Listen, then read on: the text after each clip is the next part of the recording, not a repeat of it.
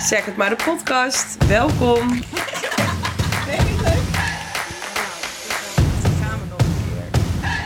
Vandaag aan tafel Martine de Wit, onze CRO en Nick Bos, onze CEO.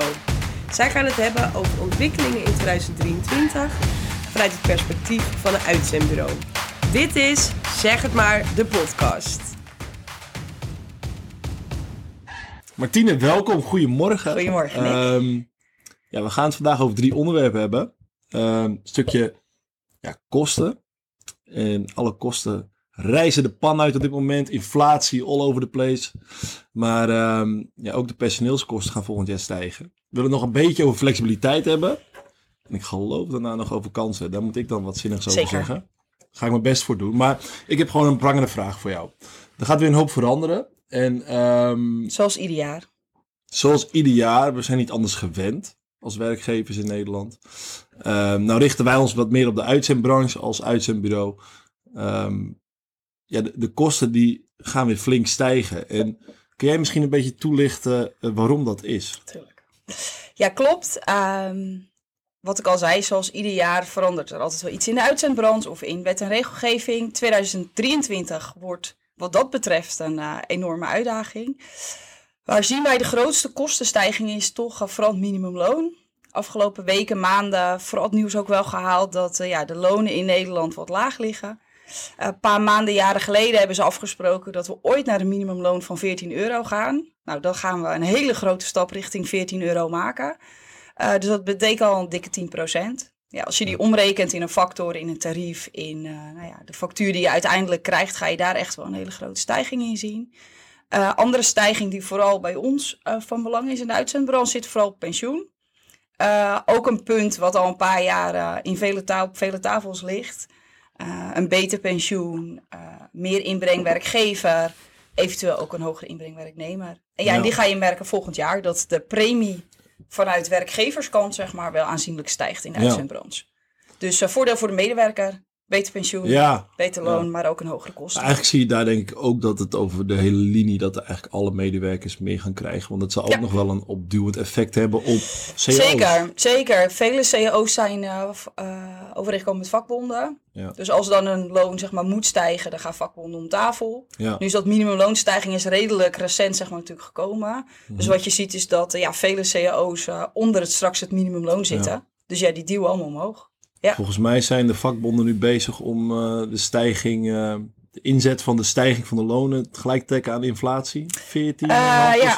Ja, NS is daar natuurlijk wel een voorbeeld van dat dat dus wel gebeurt in sommige gevallen. Ja. Maar dat gaat niet aan alle tafels gebeuren. Nee, nee, nee, nee, dat niet. En als we dan toch, ja, dit gaat, het onderwerp is 2023, maar er Ja. schiet mij toch iets te binnen. Want ehm, als we toch nog een jaartje verder kijken, dan Ja. hebben we nog weer met een flinke stijging te maken. Die iets die, moeilijker eh, in percentages uit te drukken valt. Maar Nou, ik denk dat hij wel bijna vrijwel gelijk is, want dan kom je op die Oké. 14 euro. Weet je, even eh, zeg maar zo. eh er Wa- gaat wel. eh, uiteindelijk Europa. Ja. En eh, je ziet de landen om ons heen, die zijn daar ook al eerder mee begonnen, of die gaan zeg maar nu ook. Ja. Dat ze uiteindelijk het minimumloon van de Europeaan, zeg maar, eh, ja, om, eh, omhoog willen. dus de, wat, wat ik ervan begrepen heb, maar als, als ik het niet goed heb, moet je het zeggen. Je. Dat je, dat, dat je dus de, het minimum, het minimum uurloon wordt Ja. toegepast straks. En dat Ja. wordt gelijkgesteld aan een Ja. 36-urige Ja, klopt. werkweek. Ja, dat is wel iets wat wij dan in Nederland hebben. Ik weet niet in alle Europese landen, maar in ieder geval een aantal die hebben dat niet. Die hebben gewoon een minimumloon. Ja. En wij hebben eigenlijk een minimum maandloon.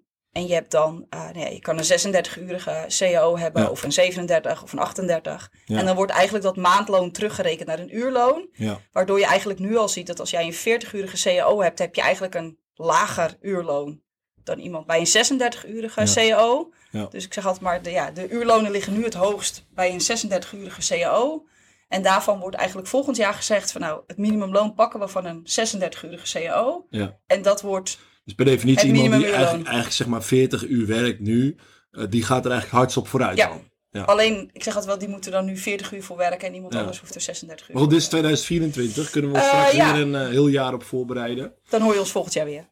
Ja, ongetwijfeld, ongetwijfeld. Ehm, ja, nog zo'n heikel punt in onze branche is flexibiliteit. Nou, de uitzendbranche staat voor flexibiliteit. Ja, dat zijn Ehm, we. ik denk ook dat het de Nederlands, Nederlandse economie de afgelopen tientallen jaren heel veel gebracht heeft. Uh, maar de trend is op dit moment wel dat dat uh, teruggebracht wordt.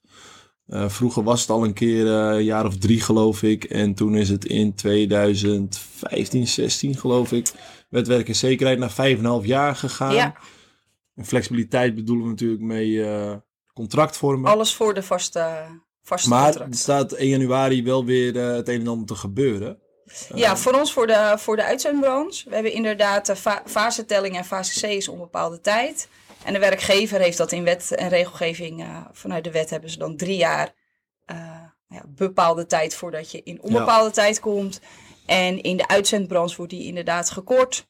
Uh, dat betekent dat we één jaar heel flexibel zeg maar, zijn en daarna drie jaar een bepaalde mate ja. van flexibiliteit. En dat betekent nog wel dat wij na vier jaar een contract voor onbepaalde tijd aanbieden. Uiterlijk ja. aan, een uit, aan een uitzendkracht. Ja. Um, is inderdaad niet heel gek. Voor de wet en regelgeving was het altijd 3,5. Dus nu is het alsnog 4. Dus het is nog wel redelijk flexibel. Maar het is wel, we leveren wel flexibiliteit in ten opzichte van dit huidige jaar 2022. Ja, dat wel. Nou, wat ik nu ga zeggen hebben we niet voorbesproken, Martinez. Sorry. Nou, over, overval, maar ik had niet anders ja, verwacht met jou. Misschien maar gewoon te binnen. Ja. Kijk, er is natuurlijk nog iets gaande en dat heeft met het uitzendbeding te maken. Dat is misschien wel echt ja. voor, de, voor de mensen die diep in het uitzenden zitten, die snappen wat dat is en wat dat uh, kan doen. Maar ook daar staat het een en ander te gebeuren. Kan je dat kort? Ja, is niet uh, per se de jaarovergang, maar uh, nee. gaat in, uh, als goed is richting maart spelen. dat is een, een uitspraak die eigenlijk bij rechtbanken en de Hof en Hoge Raad ligt. Ja. En daar is een medewerker eigenlijk uiteindelijk nu naar de, naar de rechter gestapt. En die heeft gezegd, ja, ik heb een contract met uitzendbeding. En ja. dat is nu beëindigd omdat ik ziek ben. Nou, degene die inderdaad wat van wet en regelgeving zegt, ja, je kan niet een contract beëindigen omdat iemand ziek is, want ja, dan ben je ja, beschermd en terecht. Uh, daarvan zijn we ook allemaal wel van mening dat dat inderdaad terecht is. Mm -hmm. Alleen is het een bepaling in onze CAO dat een contract met beding eindigt bij ziekte. Ja. Dus dan krijg je de vraag van, ja, is het eerlijk, uh, maar het ligt wel in de CAO. Mm -hmm. uh, en daarvan ligt nu wel het advies dat naar alle waarschijnlijkheid straks is van ja, je kan een contract niet beëindigen bij ziekte, ook niet als je met uitzendbeding hebt. En dat ja. heeft wel echt gevolgen voor de branche, want dat betekent dat een heleboel contracten ja. in eerste instantie beëindigd zijn, ja. die dan niet beëindigd zijn. Volgens mij werkt echt 80% van de uitzendbureaus met... Uh, Fase A dan met, met uitzendbeding, ja. Groot ja, gedeelte. Ja. Omdat het uh, van oorsprong eigenlijk ook ja, het normale het is, het, het is, zeg maar, de, uitzenden is. Een van de basisdingen van, uh, van uitzenden. Dat is het uitzendbeding. Het uitzendbeding brengt ook hele nou ja, mooie flexibele dingen met, met zich mee. Uh, ik heb wel partijen die ik erover heb gesproken, die zeggen wel, oh maar ja, het is wel vreemd. Weet je wel, tuurlijk weten we dat ook wel. Je kan niet eindigen bij ziekte. Alleen maak, het is ook altijd zo allemaal geweest. dankbaar gebruik van jarenlang. Dus het zal in de, in de dagelijkse praktijk een hoop uh, reuring teweeg gaan brengen. Ja, en dat is dan straks de vraag. Uh, in hoeverre heeft het uh, terugwerkende ja. kracht? Ja, maar, ook, maar ook richting volgend jaar. Van wat, wat ga je doen? Er komt een nieuwe uitzendkracht bij je binnenlopen. Ja, Bied je dan nog met uitzendbeding aan, wetende dat je het contract niet kan beëindigen bij ziekte. Dus. Maar um, om toch nog een beetje positief te ja, ja, leuk ja, hè? Gewoon, ja, gooi er gewoon in. Ja, ik, uh, ik verzin het waar je bij staat. Shit. Um, maar om niet helemaal negatief af te sluiten, zullen er vast ook wel wat kansen zijn. Zeker. En daar ben jij eigenlijk van, hè? Van oh, de kansen. Sorry, ga ik, ja, ik, wil, ik, nou ja, ik wil de kansen uh, nou, kijk, voor je. Wat, je natuurlijk nu wel ziet, en daar kun je nog wel iets over toelichten, is, is door het CER-akkoord, dat was uh, voorjaar dit jaar ja, dit voorjaar, het CER-akkoord. Al die jaren, joh, tegenwoordig. Het vliegt om. Ja, er komen vers um, verschillende com zoveel commissies in akkoorden. Ja. Dat, uh... Nee, maar je hebt CO-akkoorden, CER-commissies ja. en uh, en Roemer. En het, het, houdt eigenlijk niet op. En, en er zal wel weer een nieuwe commissie aan het opstaan zijn. En daarbij merk je natuurlijk wel vanuit Den Haag, kabinet, regering, partijen. Dat er wordt gewoon heel erg gezocht naar de toekomst zeg maar, van Nederland. Ja op, op werk, uh, werkgever, werknemer, van is het dan flexibiliteit? Ja. Uh, en hoe kunnen we onze economie uh, beschermen? Hoe kunnen we medewerkers beschermen? Oké, okay, ze hebben het nu over drie rijbanen. Kan, ja. je, kun je die wellicht nog een beetje toelichten? ja, kijk, de eerste rijbaan wat je merkt waar heel veel aandacht naar gaat is vast. En dat merk je bijvoorbeeld ook in het regeerakkoord bijvoorbeeld wat er ligt. En ook bijvoorbeeld zoals Prinsjesdag, ja. weet je. En dan zeggen ze heel erg, ja, vast is de toekomst. Mm -hmm. Uh, nou, daar vind ik op zich een heleboel van. Ja. Ik vind voor een groot gedeelte zal dat zo zijn, maar ik denk dat flexibiliteit altijd zeg maar wel, uh, wel blijft. Ja, Dus dat, hoe kan je dan zeg maar bij een werkgever zeg maar, of hoe kan je werken? Nou, dan kan je vast in dienst uh, Ja. bij de inlener. Nou, dan heb je een rijbaan uitzenden, waar wij natuurlijk super blij mee zijn dat we in ieder geval in al die plannen in ieder geval een rijbaan zijn. Of een, en dan en heb je terecht. Zeker, zeker. En terecht. En dan heb je ZZP. Nou, ik denk de afgelopen jaren zeker in, Ja. eh, in opmars. ook in, in ja, gebieden die we eigenlijk helemaal niet kennen van daarvoor. Dat Nee. we in- ineens een ZZP'er als een... eh, dat de barman een ZZP'er wordt. Maar Ja. eh, we kennen hem vanuit PostNL natuurlijk. Dat dat allemaal ineens ZZP'ers zijn. Wat ze niet, Mhm. eerst niet waren. Dus je ziet ook wel in de economie misschien nu dat mensen best wel snel voor zichzelf kiezen. Ja. En dan zijn het die drie rijbanen. Dus of vast in dienst. Of via een uitzendbureau werken. Of als ZZP'er. Daar zijn ze eigenlijk nu eh, eh, wetten voor aan het voorbereiden, Ja. geloof ik. Hè? Ja. Ja. Dus dat willen ze reguleren. Ja. En dan is de vraag, ja, wat gaan ze dan straks als eerste? Uitzenden. Ja, die kans is, gezegd, ja, ja, die kans is wel het grootst dat uitzenden als eerste komt. Nee, toevallig laatst bij dat seminar eh, van de, van de uitzendbranche van de ABU gaf de minister eh, dat ook aan. Ze zijn met alle drie bezig, maar ze weet niet welke. Nee, dat klopt. Ze weet niet welke het eerste klaar is, maar er is wel inmiddels wel eentje al eh, eh, richting de Tweede Kamer eh, gestuurd. En dat is die eh, betreft uitzenden. Ja, Dus, eh, ik denk dat ZZP mij- als, als laatst komt, want ZZP kunnen ze al jaren. Ja, ik weet niet precies. Ik, ik hoor wel geluiden dat het volgens mij nu, eh, nu bezig is. Maar ehm, nou ja, goed. Hey, en het levert natuurlijk ook wel wat kansen op. Want wat is, wat is natuurlijk, eh, of kansen, ehm, als je er goed op inspeelt. Want Ja.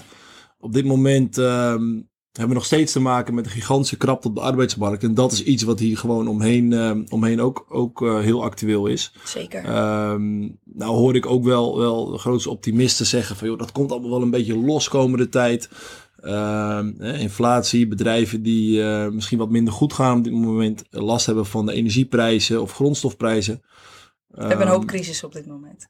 ja, een hele hoop. Ehm, maar we- weet je, waar ligt je kans als werkgever? Ja, dat is echt, echt ga je onderscheiden. Want ehm, ook de komende tien jaar zo hebben we te maken met kraptes. En dat zal wel een beetje minder, een beetje meer worden. Maar ehm, zodra het werkloosheidscijfer onder de 5% zit eigenlijk, dan, dan is het eigenlijk altijd krap, krap, krap. Ja, En dat blijft het voorlopig wel. Heeft ook veel al te maken met, eh, met vergrijzing. Nou, hoe kan je jezelf eh, onderscheiden daarin?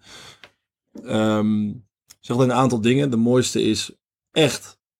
Ga je als werkgever eh, herontdekken. Daar komen straks ook nog wat, eh, wat whitepapers over vanuit, eh, vanuit ons. Ehm, ga je onderscheiden. Kijk naar je buurman. Kijk waar jij het beter kan doen als werkgever. En ehm, ja, nog, nog iets heel, heel belangrijks. Ja, probeer ook, ook het stukje automatisering door te trekken als bedrijf. Want ehm, misschien snijden we onszelf ermee de vinger. Hè, want wij leveren het liefst zoveel mogelijk personeel aan bedrijven.